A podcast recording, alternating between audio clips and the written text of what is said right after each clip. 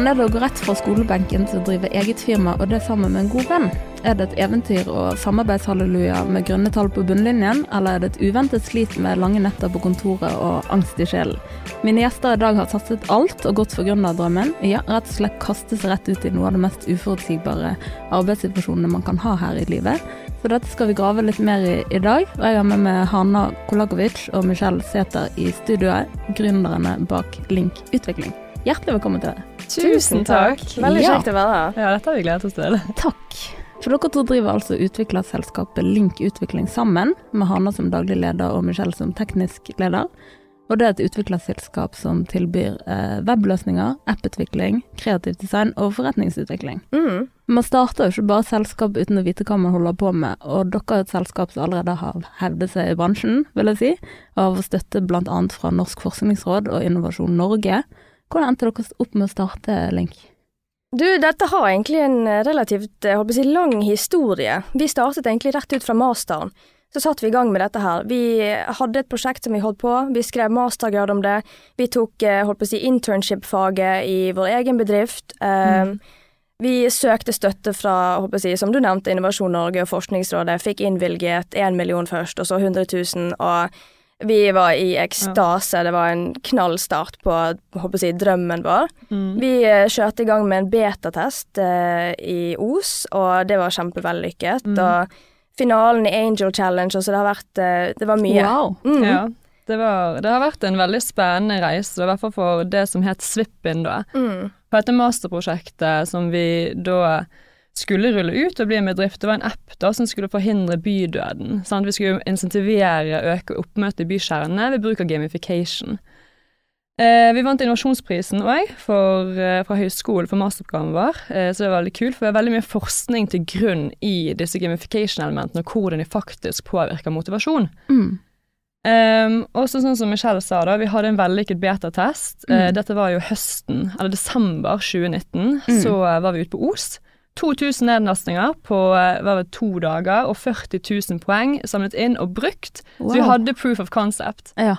Um, og så startet jo prosessen med å på en måte lansere ut i Bergen, og vi fikk eh, interesse fra flere store aktører. Hadde dialog med Bergen næringsråd, vi hadde Vil Vite, Akvariet var interessert, altså store aktører da, som Ja. på en måte syntes at det var et spennende konsept. ja. Så skulle vi være med på betaen, da. Eh, eller den første soft-loungen vår. Mm.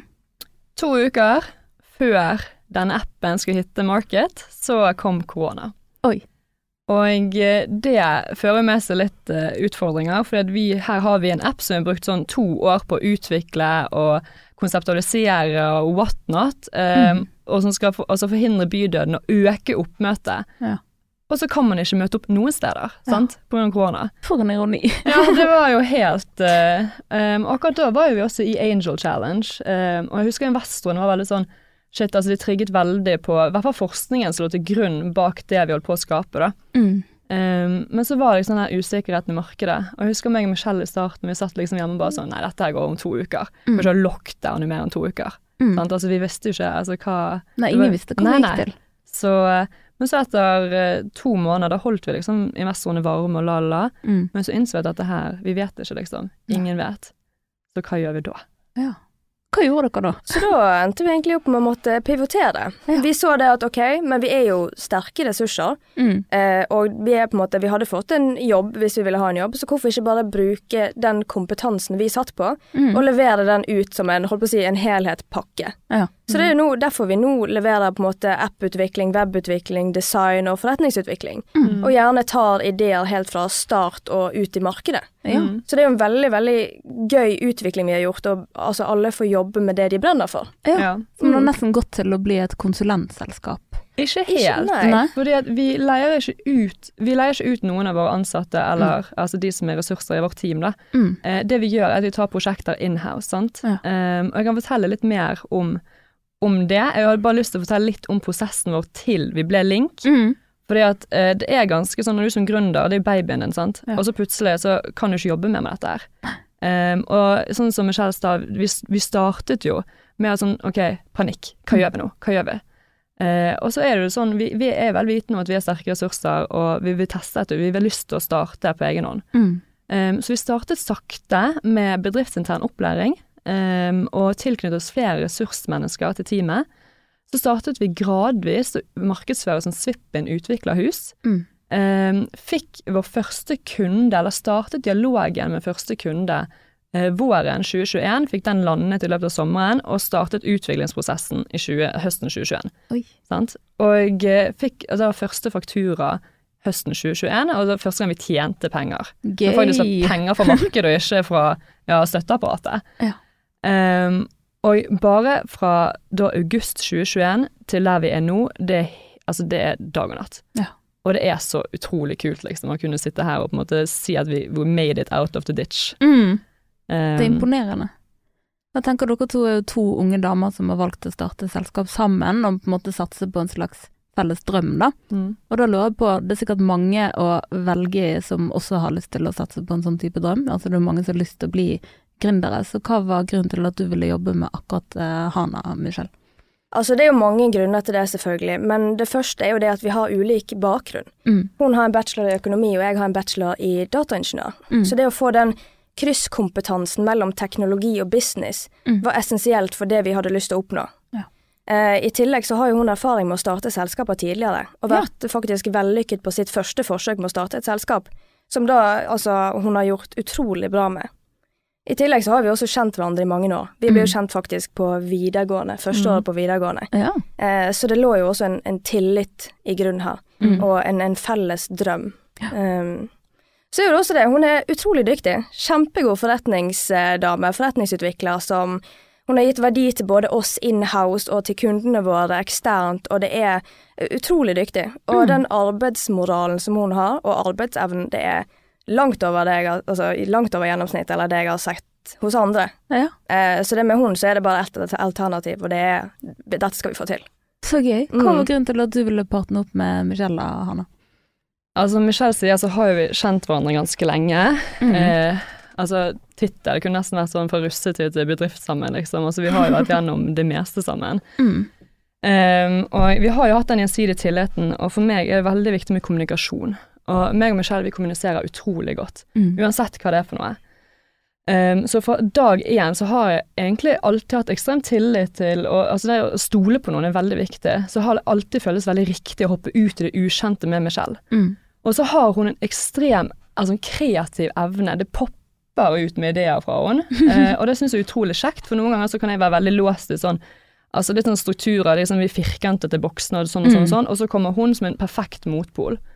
Eh, Og sånn som altså Michelle eh, eh, sa, arbeidsmoral er veldig viktig i et gründerselskap. Mm. Og det er noe jeg har sett Michelle. Altså, hun har så mange baller i luften, og alle disse prosjektene som vi har gående nå, hun har stålkontroll på alt, og det gir Ja. meg, som har en control freak, veldig ro i sjelen. Så vi er altså the perfect match, da. Ja. Og det var utrolig kjekt. Altså, jeg koser meg veldig på jobb, og Mm. hun er en veldig stor del av det.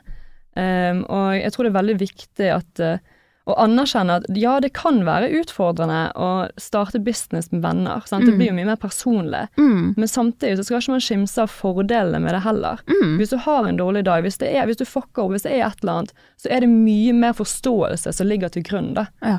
Um, så jeg føler at uh, det, det er rett og slett et eventyr. Mm.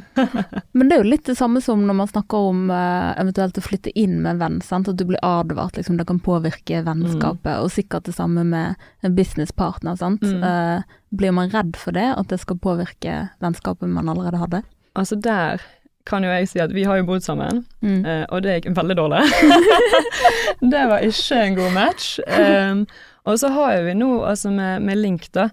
Det har jo vært altså, sånn som når Slipp-in plutselig fikk full stopp, så ble det jo litt sånn, altså hvordan gjør vi dette? Da, da ser man hverandre fra sine verste sider, når det er på en måte vi har Altså det er panikk, da. Ja. Um, men så er det på en måte det å vokse sammen. Mm. Uh, og det å kunne ha dialoger rundt det, og man lærer jo hverandre å kjenne. Sånn som jeg har lært at ja, Michelle ikke alltid er så veldig glad om morgenene, så da Mm. vet jeg at da venter jeg med å starte noen dialoger til etter hun har drukket første slurk av kaffen. Sant? Kan du bekrefte det? Det, det stemmer nok, ja. Mm. ja. Det høres riktig ut. Ja, men jeg tenker sånn når man kjenner hverandre godt, da, fra før, Mm. og så eh, skal man gå inn i et selskap sammen, og jobbe sammen, kanskje være sammen på en annen måte enn man har vært vant til tidligere, da. Eh, faller det seg naturlig liksom, hvilke roller de ulike skal ha? Altså, var lett å fordele, liksom, ja, du du tar rollen som teknisk leder, du blir daglig leder, eh, de andre ansatte skal ha disse og disse rollene. Altså, har det vært enkel, enkelt å Egentlig veldig naturlig rollefordeling sånn sett, av de bakgrunnene. Altså, når jeg har en teknisk bakgrunn, så blir det naturlig at jeg tar ansvar for teknologien, og hun har en businessbakgrunn. Mm. Så blir det naturlig at hun tar ansvar for alt annet. Ja. um, men sant, vi har jo også selvfølgelig oppstått mye som vi ingen av oss egentlig er naturlig ansvarsområde for. Mm. Sant? Så begge har jo fungert som poteter nå i, i flere år og hatt alle mulige ting som vi aldri skulle Mm. tenkt at vi egentlig skulle hatt ansvar for. Ja. Uh, så det er veldig bredt. Ja. Mm. For det er jo litt sånn klisjé med liksom å være gründer, at liksom kanskje begynner at du er for god for den og den oppgaven, på en måte. Her må man liksom Nei, bare alle mann på Mm. dekk-type Det, tankegang. man gjør alt Mm. der det Ja. skal til. Og så Mm. lærer man så sinnssykt mye. Det er jo det alle snakker om den bratte læringskurven, og det er ikke kødd. Altså det, det er sinnssykt eh, Altså vi er borti fagfelt vi aldri har vært borti før, sant. Og Mm. vi snakket jo nettopp om dette her med det juridiske rundt det med oppstart eller teknologi eller kontrakter. Altså Mm. det er så sinnssykt mye Som er viktig å ha 100 i bunn. Ja. Som man kanskje ikke har tenkt i like stor grad tidligere. Mm. Um, men der igjen så er det som flott, at man har et veldig stort støtteapparat. Mm. Uh, hvis man er heldig, så har man et godt nettverk. Og da kan man på en måte finne ressursmennesker som kan hjelpe deg litt på vei da, og peke deg i riktig retning. Ja. Og det er jo litt det vi har gjort hele veien. Vi har alltid vært veldig bevisst på at vi vil inkludere studenter, vi vil inkludere folk fra Nav gjennom arbeidstrening, og på den måten så tilknytter vi oss de ressursene som gjerne har kompetanse som vi ikke har, Mm. eh, som kan bistå på disse områdene som vi løper rundt som poteter på. Ja. ja, for mener husker at jeg så at det var noe med juridisk kompetanse kompetanse i teamet, sant? Ja. Vi har jusstudenter. Ja. Ja. Mm. Mm. Og så har vi, vi har også advokater som For vi må jo, vi må jo få det Altså de kan bistå oss og hjelpe oss litt i riktig retning, altså studentene, men de er jo Mm. ikke jurister ennå, sant. Så da må vi få det 100% forankret av en advokat etterpå. Men vi Ja. sparer på veldig mye kostnader med å gjøre det Ja. på den måten.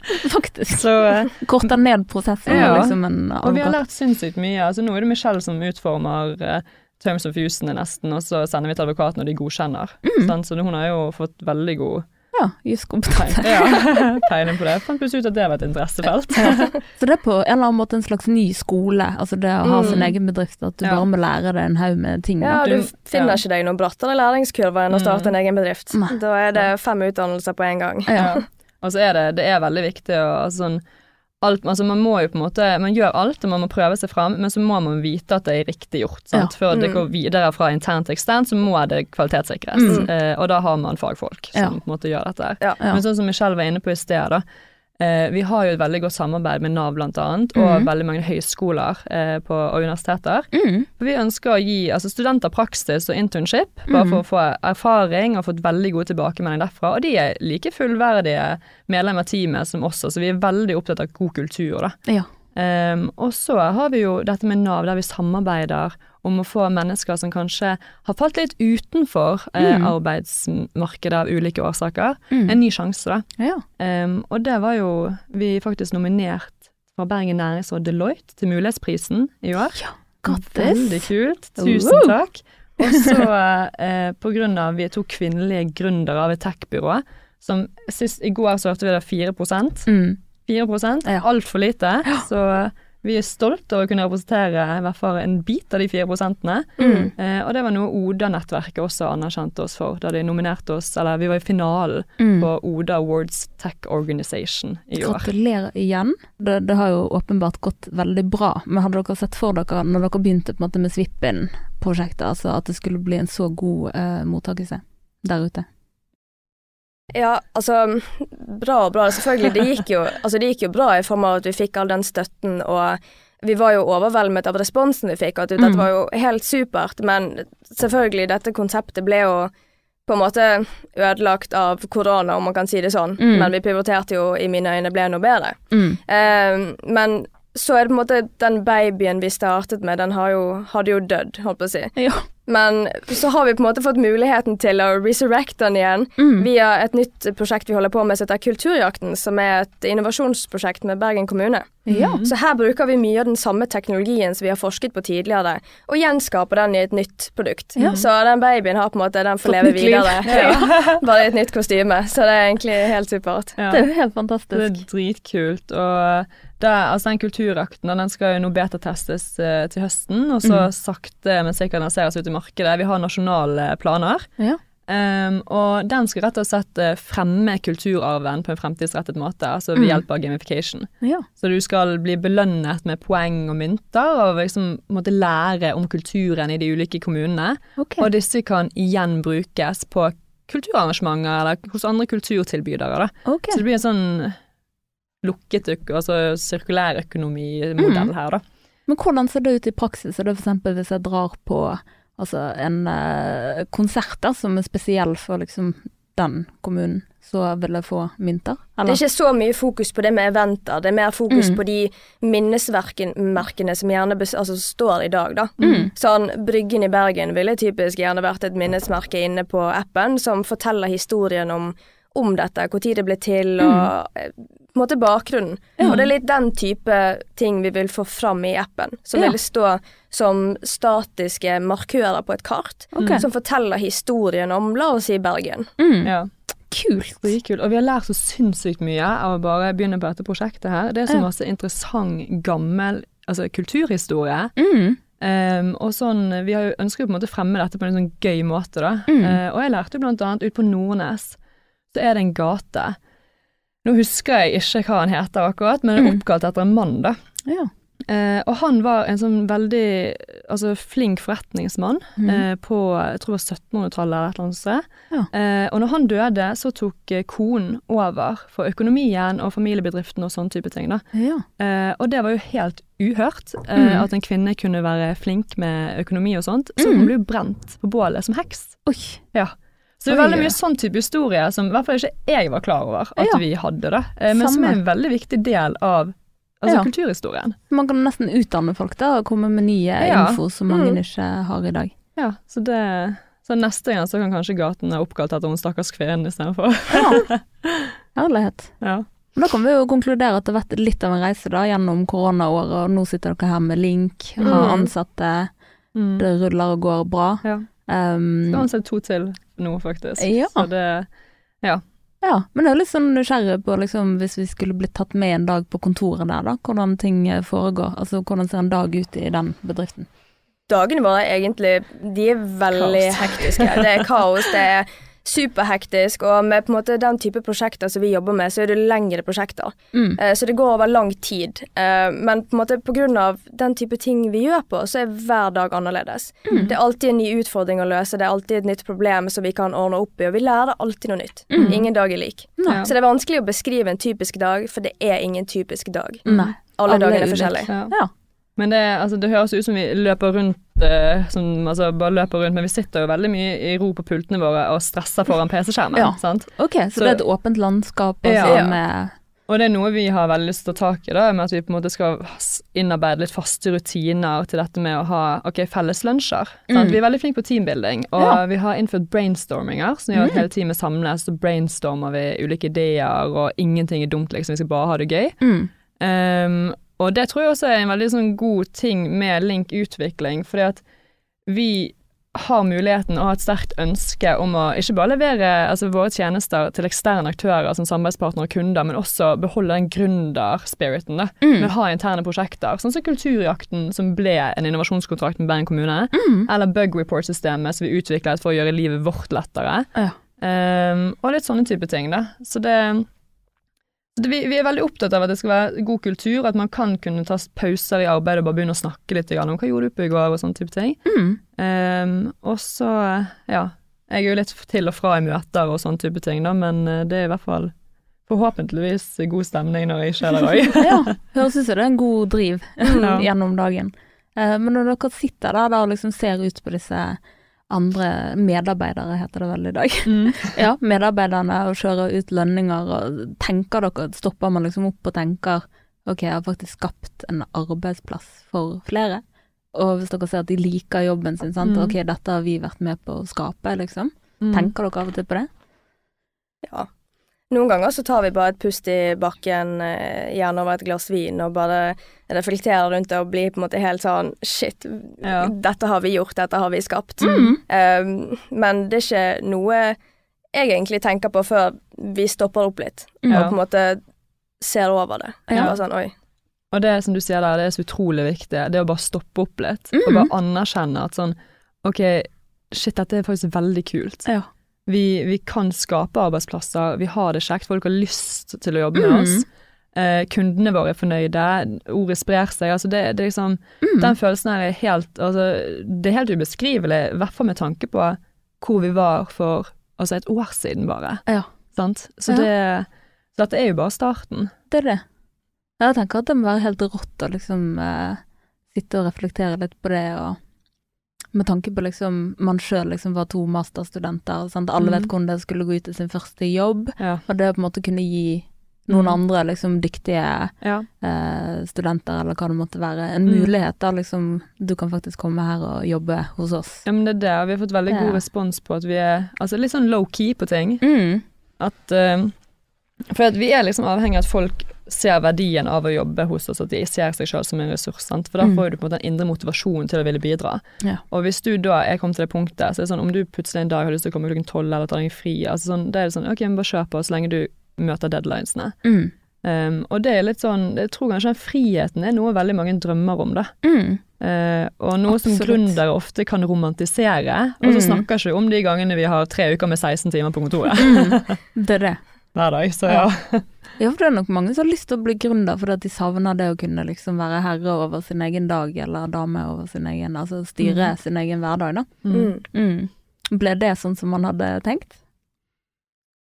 Eh, ja, altså vi har jo den friheten. Altså vi er jo mye på reise, men reise er ikke nødvendigvis fri. Vi har jo Nei. alltid med oss PC-en. Mm. Vi jobber jo alltid uansett hvor vi er henne. Mm. Mm. Men vi har jo friheten til å jobbe hvor vi vil, da. Mm. Hvis vi kan si det sånn. Ja. Og for begge to så var det liksom et mål at vi hadde lyst til å ha den friheten. Mm. Og det var litt derfor vi ville jobbe for oss sjøl. Ja. Så vil jo si at vi har egentlig Altså, vi er på vei til å oppnå det vi ønsker. Mm. Men så er vi alltid veldig bevisst på at sånn, vår frihet skal ikke gå på bekostning av selskapets interesser. Mm. Um, og så tror jeg også det med at um, ref det å være venner og det å på en måte Vi er jo forpliktet overfor hverandre, og det Mm. tror jeg er veldig forankret i ledelsen i Link-utvikling. Mm. At uh, vi, vi tenker liksom alltid over de valgene vi tar, og vi diskuterer det sammen. Mm. Um, og så, så ja, det syns jeg har fungert veldig greit, da. Ja. Så, og vi ser jo selvfølgelig at i perioder der det har vært veldig mye push, at da fortjener man kanskje en liten Ja. push til å ta litt fri. Mm. Ja, må dere pushe hverandre på den måten? Liksom, ja. Ja. nå, eh, Michelle, ser at du ja, har jobbet litt for mye, altså nå trenger du Altså må man liksom minne hverandre Ja. på ja. Vi trenger ikke å minne hverandre på å jobbe, vi må minne hverandre på å ta pauser. ja, det, ja, faktisk. Ja. ja, det er jo bra, da. Det er kanskje enklere når du kommer fra en venn òg. Ja. Jeg er litt nysgjerrig på sant? hvilke type kunder er det snakk om her, Mm. altså hvilke oppgaver har dere, liksom hvordan er arbeidshverdagen? Nei, men sant, det er jo litt sånn som vi har nevnt, vi jobber jo mye med utvikling, app og web og design og forretning, sant? så det går jo mye i det. Mm. Men også det å snakke med kunden. Det er Mm. en stor del av hverdagen, spesielt til Hana. Mm. Å ha den dialogen med Mm. kunder hele tiden, oppfølgingen, og sørge for at vi alltid leverer på det de faktisk vil ha. Mm. Og at vi ikke på en måte bare kjører på uten å at de er med på løpet. Mm. Så han elsker jo det når noen sender en mail, gjerne en gründerspire eller en bedrift som har en idé eller noe, sender en mail med et eller annet kult og de har lyst til å oppnå. Mm. Det elsker jo hun. Da er hun den rett personen til å ta dette her med videre. Mm. Så det er gøy. Ja. Så litt sånn løpet hos oss er jo på en måte det at uh, Altså enten så kan du komme til oss med en sånn dette er det jeg vil få utviklet. Mm. Jeg vil ha denne appen her, Mm. eh, og de skal ha den og den funksjonen. Mm. Sant? Eller så vil vi ha denne nettsiden eller nettportalen. Um, og så bare utvikles det. Eller vi, Ja. de vil ha et design. Ja. Um, men så har vi også de som er sånn, vi har en idé, eller vi har et problem vi trenger en løsning på. Mm. Og det, de der Ja. syns jeg i hvert fall er utrolig gøy. ja. Den konseptualiseringen, det bryter ned liksom det behovsspekteret. Hva er need to have, hva er good to have? Altså den der. Altså jeg Mm. syns det er dødsgøy. Mm. Um, og da blir man veldig tett på kunden, Ja. da. Og du er Um, vel mer overlatt til dere, sant, med å finne de kreative løsningene. mm. Så lenge det løser det problemet som Ja. de hadde. så, Da får vi ta vare på den der eh, gründerspiriten vår for alltid. Mm. Med at vi får hjelpe andre og gründere. mm, I tillegg Ja. til at vi selvfølgelig har interne prosjekter hele tiden som Ja. gjør at vi på en måte alltid holder på denne gründerånden. Det er Ja. veldig viktig for oss. Ja. Og hvordan er den balansen, sant? For noen ganger så er det vel mer inntjening med å ha disse eksterne mm. prosjektene, så hvordan klarer man da å prioritere de interne prosjektene? det var jo det vi Altså sånn som um, I fjor var det veldig fokus på at nå skal vi Nå må vi få kunder, sant. Ja. Em, og så når den var på en måte i loopen og godt i gang, eh, så kommer vi til en sånn betatestperiode eller en sånn fase der ok, nå er ikke like trøkk der. Mm. Og da kan man gjerne begynne å brainstorme litt. Og for oss, da, eh, så er det litt den her eh, Altså, det føltes litt vondt med alt det som skjedde med Svippen, liksom, akkurat som du feilet litt, grann, uten at Mm. du egentlig gjorde det. Men vi kunne jo kanskje satse på nytt igjen på det, men vi hadde fått det så opp i halsen, liksom. For Mm. du, du ble så, det var så mye rundt det. Ehm, og da var vi veldig bevisst på at vi ønsket å skape noe rundt det. Mm. Og det var sånn vi på en måte startet Kulturakten, og nå er det Ja. et likeverdig løpende prosjekt som alle de andre vi gjør. Ja. Um, men det er litt sånn høyt og lavt og i dalene, sant? når vi på en måte ikke har like mye trykk på kundefronten. Mm. eh, Der det bare er med på vedlikeholdsfasen, da. Ja. Så det er da vi gjerne gønner på med noe nytt, da. Ja. Mm. Utrolig Mm. kult. Mm. Fantastisk. Jeg tenker ofte når man har vært på den type reise som dere har vært, sant, Mm. og ting begynner å gå bra, sant, man føler at man har lykkes, så er det fort å glemme liksom de periodene i starten der man virkelig liksom slet, og du sov på kontoret, altså det var Mm. full uh, alle mann på dekk-stemning. Uh, har det på en måte vært ting som ikke har gått helt etter planen for dere òg? Altså, nå nevnte jo dere det med svippen og Mm. korona og alt dette her, med andre ting som på en måte har vært eh, utfordrende. Det har gjort at dere har tenkt to ganger på denne reisen, på en måte. altså, det er jo litt sånne små ting man lærer hele tiden, uh, som man kan forbedre til neste gang. Mm. Uh, men jeg føler ikke altså, Jeg føler ikke vi kan sitte her og si at vi har lykkes, sant? for vi har, vi har lykkes i noe. Vi har på en måte kommet ganske langt, sånn, men vi har ikke nådd målet, på en måte, for det er ikke noe mål. Vi skal kontinuerlig utvikle oss. Mm. Sånn, så de sier ikke stopp, og vi har fremdeles endeløse netter Mm. der vi sitter og jobber veldig mye mer enn hva andre folk gjør, da. Mm. Mm. Ehm, så vi holder fremdeles på den, da. Jeg tror ikke vi kommer til å slappe av med det første, for helt ærlig. Ehm, så vi er veldig bevisst på akkurat det, da. At uh, det å nyte prosessen Mm. er mye viktigere enn å nå et mål. Mm. Men vi skal aldri sitte oss ned tilbake og tenke at sånn, vi har lykkes, nå kan vi chille, liksom. Vi skal alltid neste steg bli Mm. bedre. Jeg skjønner. Vi hører jo også ofte om oppstart, oppstartsselskaper som strever liksom med å få endene til å møtes, Mm. og de må vente med å kjøre ut de første lønningene, de må vente med å ansette folk, og Mm. liksom, man tør jo ikke liksom begynne med rekruttering sant, før man vet at det liksom er liv laga, liksom. Um, hvor er dere der? Altså, er det Det er jo klart, vi hadde en eh, lang periode i starten hvor det ikke ble kjørt ut noe særlig lønninger. Vi hadde ikke muligheten til å ansette eller gjøre den type ting. Eh, men vi har vært så heldige at vi har hatt et sterkt team som gjorde at vi trengte egentlig ikke å ansette noen i starten. mm. Det var meg, eh, Hana og en som heter Pål Vårdal Gjerde, som er en utrolig dyktig fullstack-utvikler Ja. eh, med veldig lang erfaring. Så vi har på en måte hatt den tech-kompetansen og forretningskompetansen Mm. allerede. Mm. Så det var et godt grunnlag til å starte. Mm. Mm. Eh, men ja. Absolutt. Altså, det jeg kan legge til der, da, er jo det at eh, nå, nå begynner det på en måte å gå rundt. Nå skal vi ansette to til. Det er Mm. første gang vi ansetter utenfor kjernetime. Mm. Eh, vi har tidligere tilegnet oss folk gjennom kontrakter og oppdrag og sånn som det, eh, også sånn som vi har sagt studenter og Nav. Mm. Eh, så dette er jo første gang vi på en måte føler oss Altså vi binder oss sant, Mm. til noen andre sin økonomiske situasjon, og ikke bare vår egen. Mm. For vi har alltid vært veldig bevisst på at sånn, ok, hvis det er en måned så går det ikke, så går det ikke. Mm. Eh, mens nå er vi Nå må det gå. Nå må det gå. Så, eh, men sånn som Michelle sa, det har jo tatt altså lang tid, da. Eh, Mm. Og når vi hadde det ene konseptet, og det er det ofte gründerselskaper har, sånn, de har det Mm. ene konseptet som skal ut i markedet, som de ønsker skal overleve, Mm. så har vi nå flere bein å stå på, eh, som kanskje skiller oss litt fra den der g- altså gründer-startup-selskap, da. Eh, selv om vi har gründet et selskap og har egne prosjekter, så er det liksom det som er differansen, vi har ikke ett konsept. Mm. Så ja. Absolutt flere bein å stå på. ja. Mm. Og med det skal vi inn i spalten Pingvin i fryseren. Så hva fikk deg til å le sist på internett? Ehm, det siste som fikk meg til å le på internett, var uh, han andre utvikleren som sendte meg en meme i felleschatten. Um, den kommer ikke til å gi så veldig mye mening for sikkert veldig mange som hører på, men det var basically bare en meme hvor det var to uh, armies som krasjet i hverandre, og så sto det 'git merge'. Så det er på en måte en, en utviklergreie, da, men jeg syns det var veldig tidlig. Men uh, ja. Jeg vet ikke om jeg skjønte den engang. ja. Du da, Hanna? Eh, nei, det var jo jeg lo jo av det at de begynte å le, for jeg skjønte akkurat sånn som det, ingenting av det. Så, eh, og de lo veldig godt av den, den memen, da. Så Mm. da må jeg jo bare sitte tilbake og prøve å joine moroa. Ja, ja. Det er et eller annet med andre som ler, da ler man jo skjønt. Ja, det er litt det. Ja. Eh, Hva og hvor drikker du helst på byen? Eh, fokuset er som regel ikke hva jeg drikker, og, men det er som regel hvem jeg drikker med. Så spiller ikke resten så mye rolle. Altså, jeg har kost meg kjempemye med drittdårlig vin så lenge jeg er i godt selskap, så går det Mm. greit. Men jeg skal jo ikke nekte på at en god chili martini på no stress er feil. Det, er, det, det må nok bli det. Ja. Mm. Dette.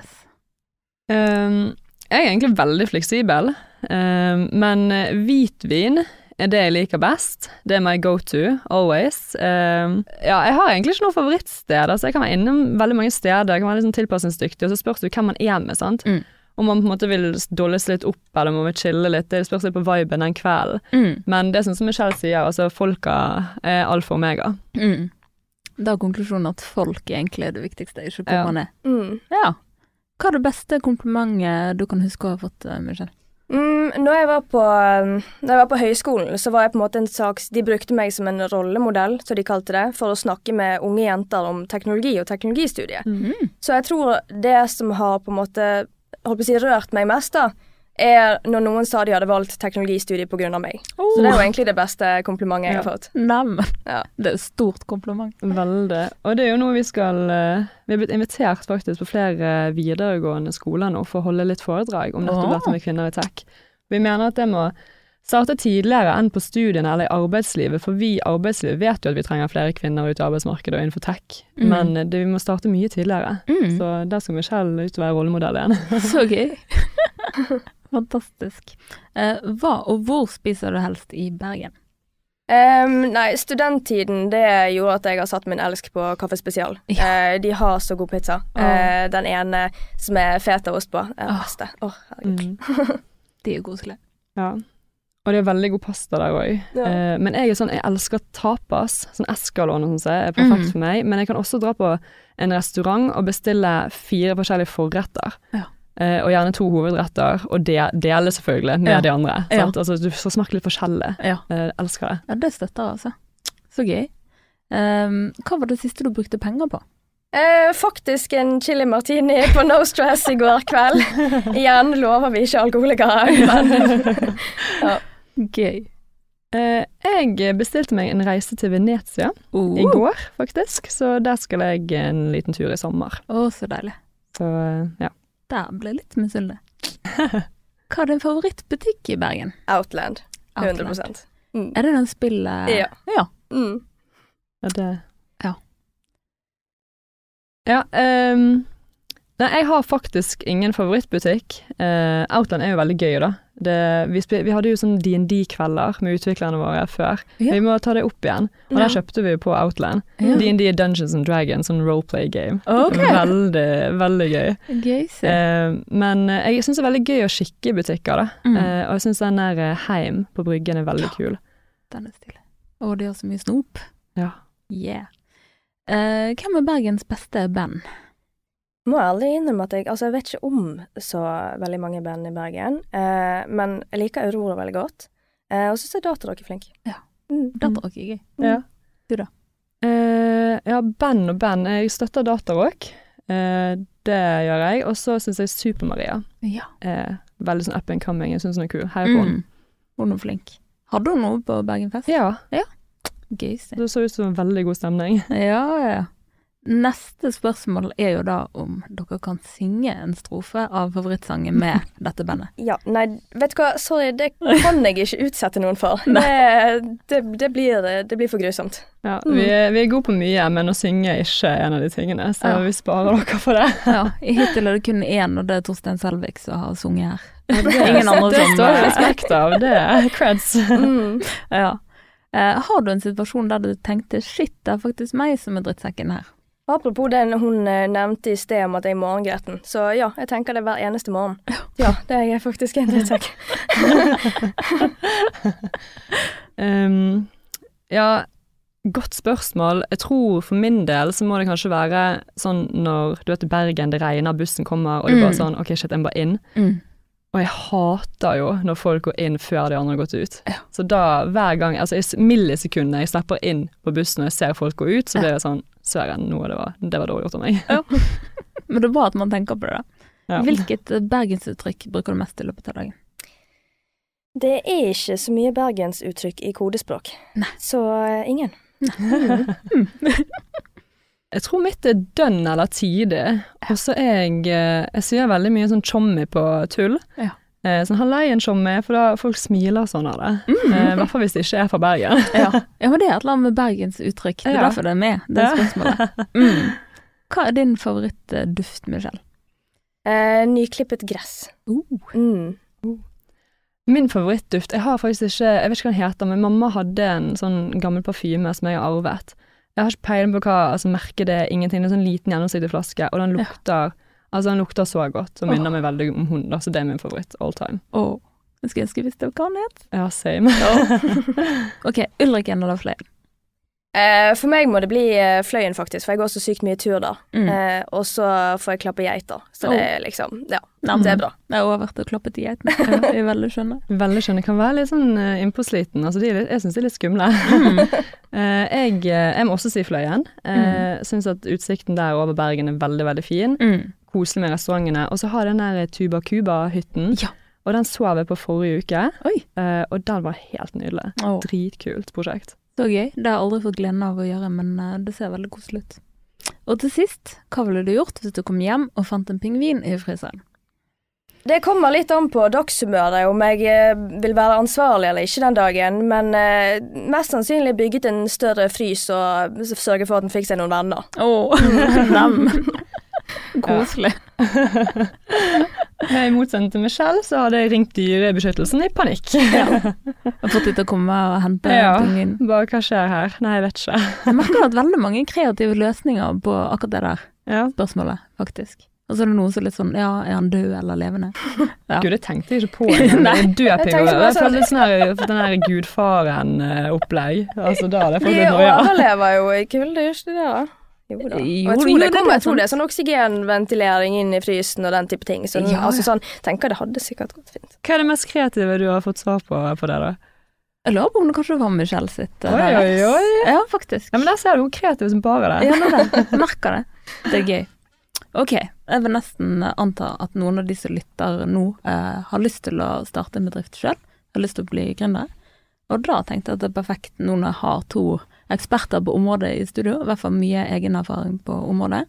Um, så jeg tenker hvis jeg da er en sjel og en skjorte som har en god idé, som jeg har lyst til å sette ut i livet, har lyst til å gründe mitt eget selskap, hvor starter jeg da? Altså, det spørs jo veldig hva type konsept eller bedrift du ønsker å starte, men et godt utgangspunkt er jo å gå ut i markedet og få en behovsavklaring, sant. Mm. Eh, og du kan enten løse behover eller skape behov. Og Ja. senest i går, sant, da var vi på Google-foredrag med WeStart. Mm. Um, og der var det en som pitchet inn dette her med middstøvsugere sant, i sengen. Og det at en, altså en madrass blir ti kilo tyngre etter ti år. Ja. Og jeg satt Jeg der sjokk. Ja, jeg òg fikk sjokk. Og da kjente jeg plutselig at nå var et nytt behov skapt hos meg. Jeg begynte å google liksom, hvordan kan jeg få tak i dette her. Liksom. Men jeg hadde aldri hørt om sånn middavføring. Og ikke jeg trodde det var midden i seg sjøl som liksom var Ja. problemet. Altså, jeg er jo allergisk som støv og midd og sånn, så- og jeg Mm. trodde det var midden sjøl, liksom. Ja.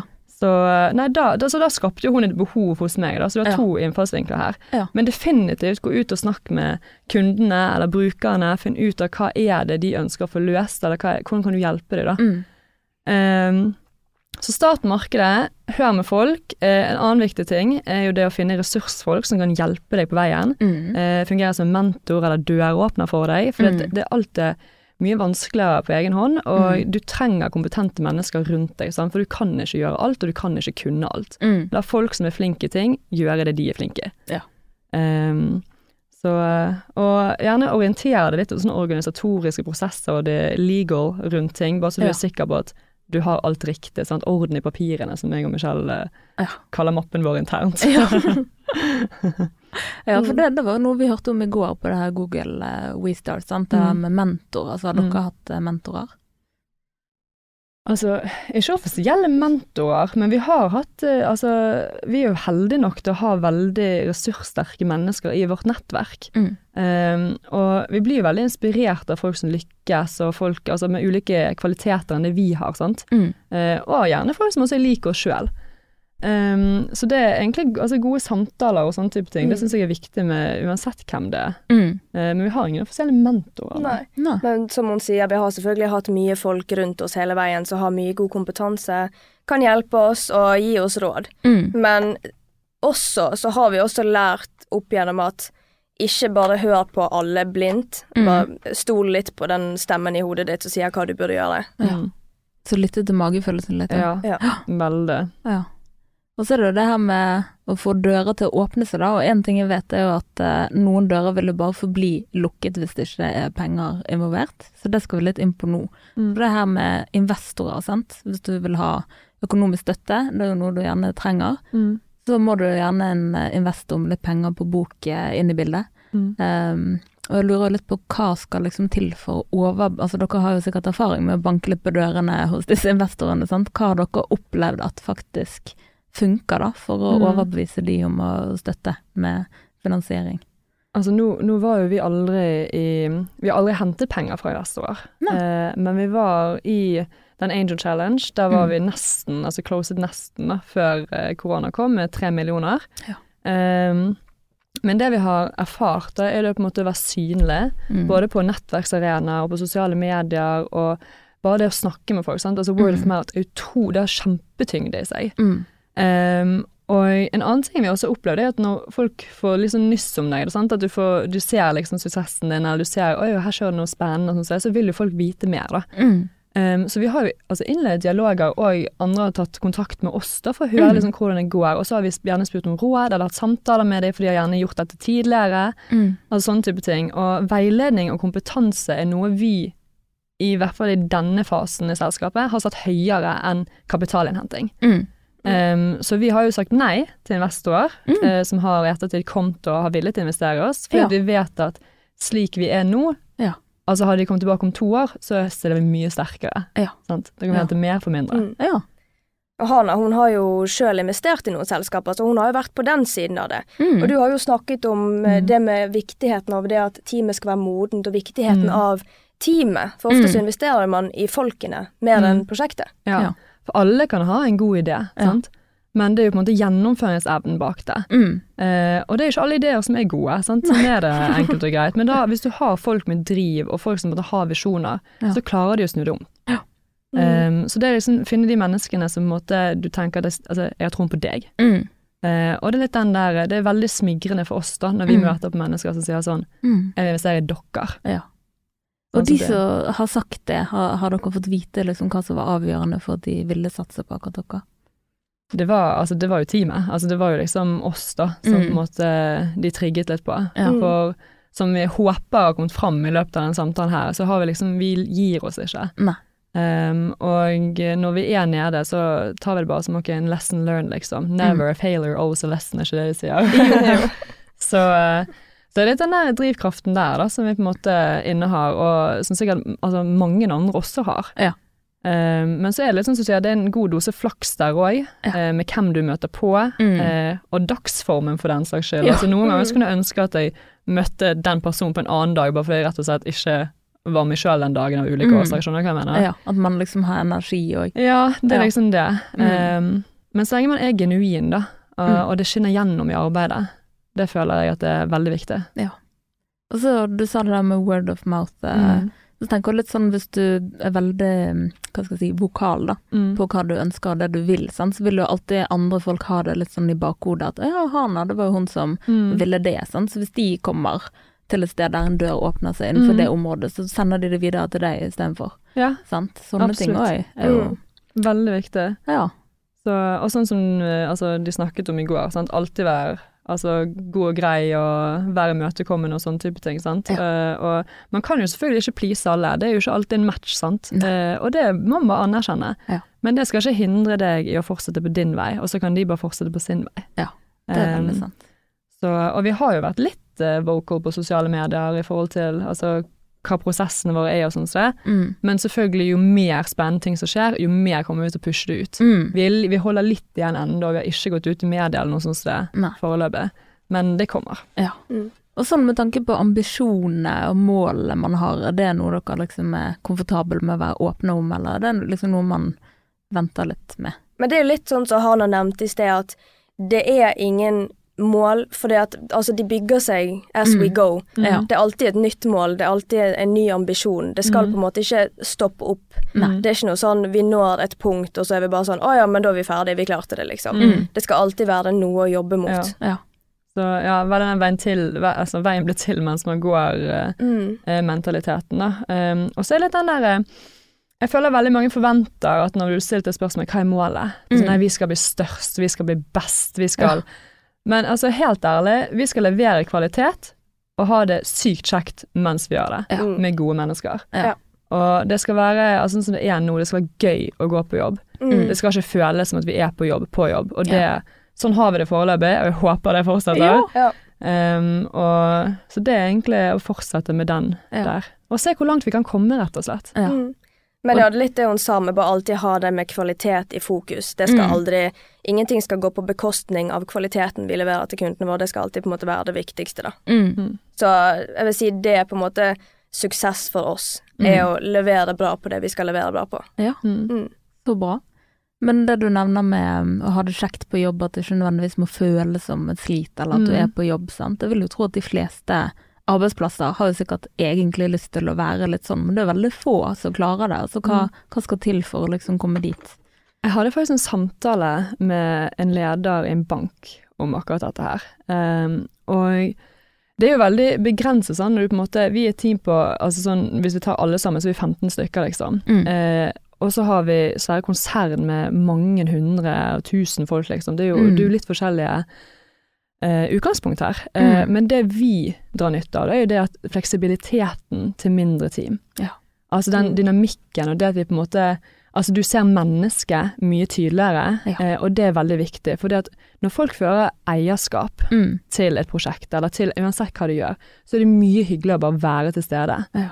Så vi prøver veldig å på en måte ja, legge god bunnlinje for det, da. Mm. Eh, og sånn som vi har de idémyldringene, og når folk kommer med innspill, Mm. det, vi hører det ut, liksom. Det er ikke sånn at vi som på en måte er ledelsen sitter der og bare nei, det vil ikke vi ha noe av. Mm. Hvis du hadde kommet med godt innspill, så tar vi det i sånn ordentlig vurdering og tenker sånn, kan dette implementeres? Men fakt, altså, Ja. vi viser liksom at dette her er noe vi ønsker å få til for at du skal få en del, av- del av det. Ja. Og det er ikke alle som har muligheten til det, men jeg tror det er veldig viktig. Ja. Mm. Eh, og disse brainstormingene, altså bare gjøre det gøy. Sånn, ta, ta et par timer der det ikke er jobb, det er bare ta det teiteste konseptet du kan finne på, og så Ja. skal du gjøre en altså 100% alvorlig forretningsanalyse av det. Ja.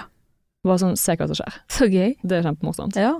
Men det ene er det at liksom når det er mindre team, at det kanskje er liksom kortere vei fra idé til beslutning. At Mm. liksom de som at, det- at strukturen blir flatere, da. Mm. Og alle har på en måte en stemme inn i Ja, vi sitter hvordan ting skal utvikle seg, sant. Mm. Mm. Vi sitter jo på en måte alle sammen rundt samme bord, Ja. så det er jo veldig lett å skyte ut en idé. Det skal Mm.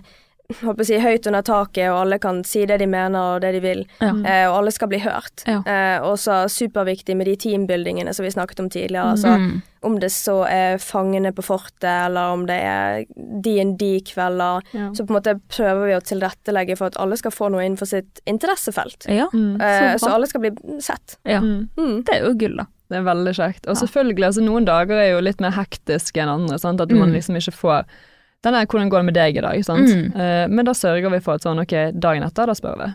Ja, Så bra. Så, men eh, det er en læringsprosess for oss òg. Vi har jo Mm. lenge vært kun tre. Ja. Og så nå får vi inn forskjellige typer mennesker, og studentene går jo litt i perioder, sant. Mm. Um, og da er det viktig å kunne være tilpasningsdyktig i forhold til de menneskene vi tar inn, da. Ja. Um, og vise at de kan ta plass, Mm. og de kan være med å skape og bygge kultur. Ja. Mm. Så eierskap tror jeg er utrolig viktig. Det virker som dere har mye fokus på ledelse, eller god ledelse. Prøver. Ja. Ja, prøver. God kommunikasjon i hvert fall. Ja, så det er vel egentlig det det går i.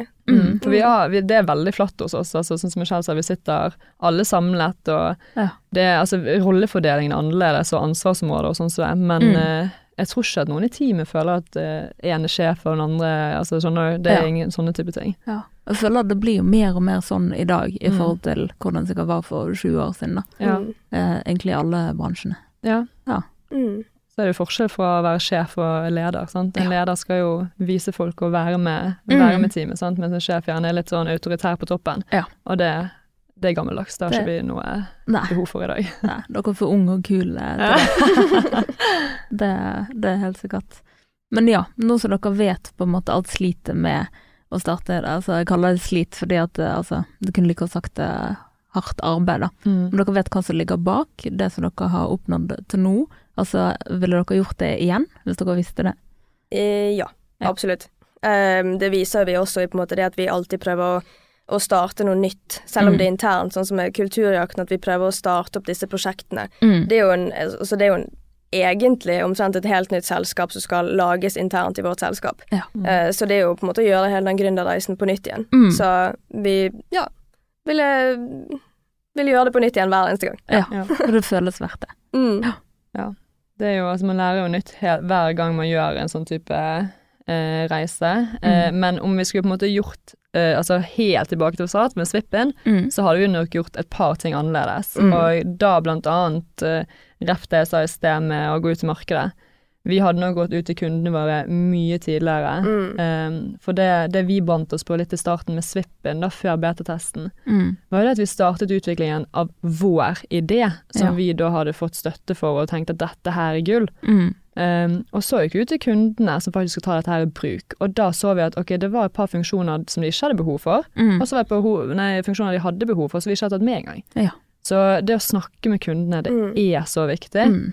Um, og det er noe vi definitivt hadde gjort annerledes, og noe Ja. vi gjorde, gjør annerledes nå med Mm. Kulturakten. Ja. Vi altså, er i kontakt med mange kommuner nå, og vi prøver å avdekke sånn dette her Ja. er coret. Mm. Det var, der vi, det var der vi startet med hele greien. Vi Mm. hadde dialogen med de og fant ut ok, men hva er det vi må dekke for å dekke dette behovet som dere har, Mm. og så skapte vi produktet ut ifra behovet, Ja. eh, og gjorde det på den måten denne gangen. Så den Svippen-erfaringen har egentlig blitt veldig verdifull, da. For Mm, at dere har gjort det etterpå. Ja. Så bra, da. Da var det jo bra at det skjedde sånn som det skjedde. Ja, Egentlig. egentlig. Vi Ja. vokste veldig mye på det. Mm. Ja. Og jeg merker sånn dalene vi har nå, altså hvis vi har på en måte en stressende periode i selskapet, sant? Mm. Altså for et par måneder siden kanskje, så var det sånn ok, shit, hvordan skal vi imøtese disse budsjettene, eller hvordan skal vi gjøre sånn som det? Mm. Um, så takler man det på en helt annen måte, for man, man har på en måte vært på bunnen, hvis du skjønner. Ja. Så ja, så det, ja. Vi er altså, egentlig veldig takknemlige for å ha gått gjennom det, sånn Mm. sett, sant? for du, du sitter jo bare igjen sterkere Ja. av det. Lært masse. Ja. ja. Jeg lurer om dere to har liksom reflektert på det her med å jobbe for noen andre sin drøm kontra å jobbe for sin egen, sant. Det er noe som har vært viktig for dere? Er Noe du har tenkt på før dere gikk i gang? Um, altså, jeg syns det er litt sånn flåsete problemstilling, for den vi ble spurt en del ganger. Som Mm. gründer tror jeg veldig mange blir spurt om det. Mm. Uh, men jeg, jeg tror ikke alle sitter inne med en drøm om å starte for seg sjøl. Mm. folk har ulike behov for risiko og stabilitet og rutiner. Og for noen så er det midt i blinken å være en sterk ressurs for andre. Mm. Og det er jo de menneskene vi er så sykt avhengig av. Ja. Sant? Det er jo det som er så fint med det hele. Ja. da. Så ehm, Godt poeng. ja, jeg syns at folk egentlig bare må være folk og gjøre det som passer de til sin Mm. tid. Mm. Eh, og selvfølgelig er det flott å se at andre lykkes og sånt, men det er jo kanskje noe noen andre setter like høyt i sin stilling, i sin jobb. Mm. Mm. Mm. Ja. Og så lurer jeg òg på liksom, hva er deres tips til andre som ønsker å gründe noe? Der har vi egentlig tenkt litt sånn å hoppe i det. Norge Mm. er på en måte et land som burde være ganske trygt å feile i. De Ja. har et godt støtteapparat, både hvis du feiler, men også på en måte til å starte opp. Ja. Sånn som eh, å kunne søke midler fra ulike instanser og den type ting. Mm. Så det, risikoen for å starte er lavere her enn andre steder. Mm. Så det er bare å prøve. Ja. Bare ha litt sånn stigma rundt det å feile. At Ja. det er en veldig fæl ting. Ja. Men det er jo egentlig ikke det. Det er jo bare, du lærer jo bare noe nytt. Mm. Samme som på en måte med Svippin, at vi tenker ok, men det var jo en failure sånn sett, men Mm. Vi er egentlig veldig glad for at vi gikk gjennom det Mm. av alt vi har lært og hva det har ført til. Mm. Så en, jeg holdt på å si, i noen sine øyne en failure er ikke nødvendigvis det. Nei. Ja. Nei, det er jo egentlig en sånn definisjonsting. Mm. Altså, det er jo ingenting eh, håndfast, det. ja. Og du lærer jo så, så ekstremt mye, eh, og du vokser som menneske. Um, så altså, negative siden om å ikke lykkes, liksom, er jo det at du altså, kanskje har tapt litt kapital, og du har stresset litt, grann, Mm. men så om et par år down the line, så har du ikke vært foruten den erfaringen. Mm. Og så for meg, da, så er det lett den derre Men hva hvis jeg hadde gjort det? Jeg vil Mm. mye heller angre på noe jeg har gjort, enn noe jeg ikke har gjort. Ja. For jeg hadde ikke klart å leve med meg sjøl med uviten. Mm. Det tror jeg mange støtter deg. Helt til sist, lurer på hva er det viktigste dere har lært på denne reisen? At uh, det er motgang, vi utvikler oss, og viktigheten av ærlig kommunikasjon. Uh, ja. Mm. Og feire de eh, små winsene hele tiden. Mm. Um, for det at det går, det går så fort i svingene, og at hvis man ikke sånn Vi snakket om stopper opp, puster litt, og feirer det du har klart, Ja. så blir ikke det altså sånn, Da er ikke det en gøy prosess. Ja.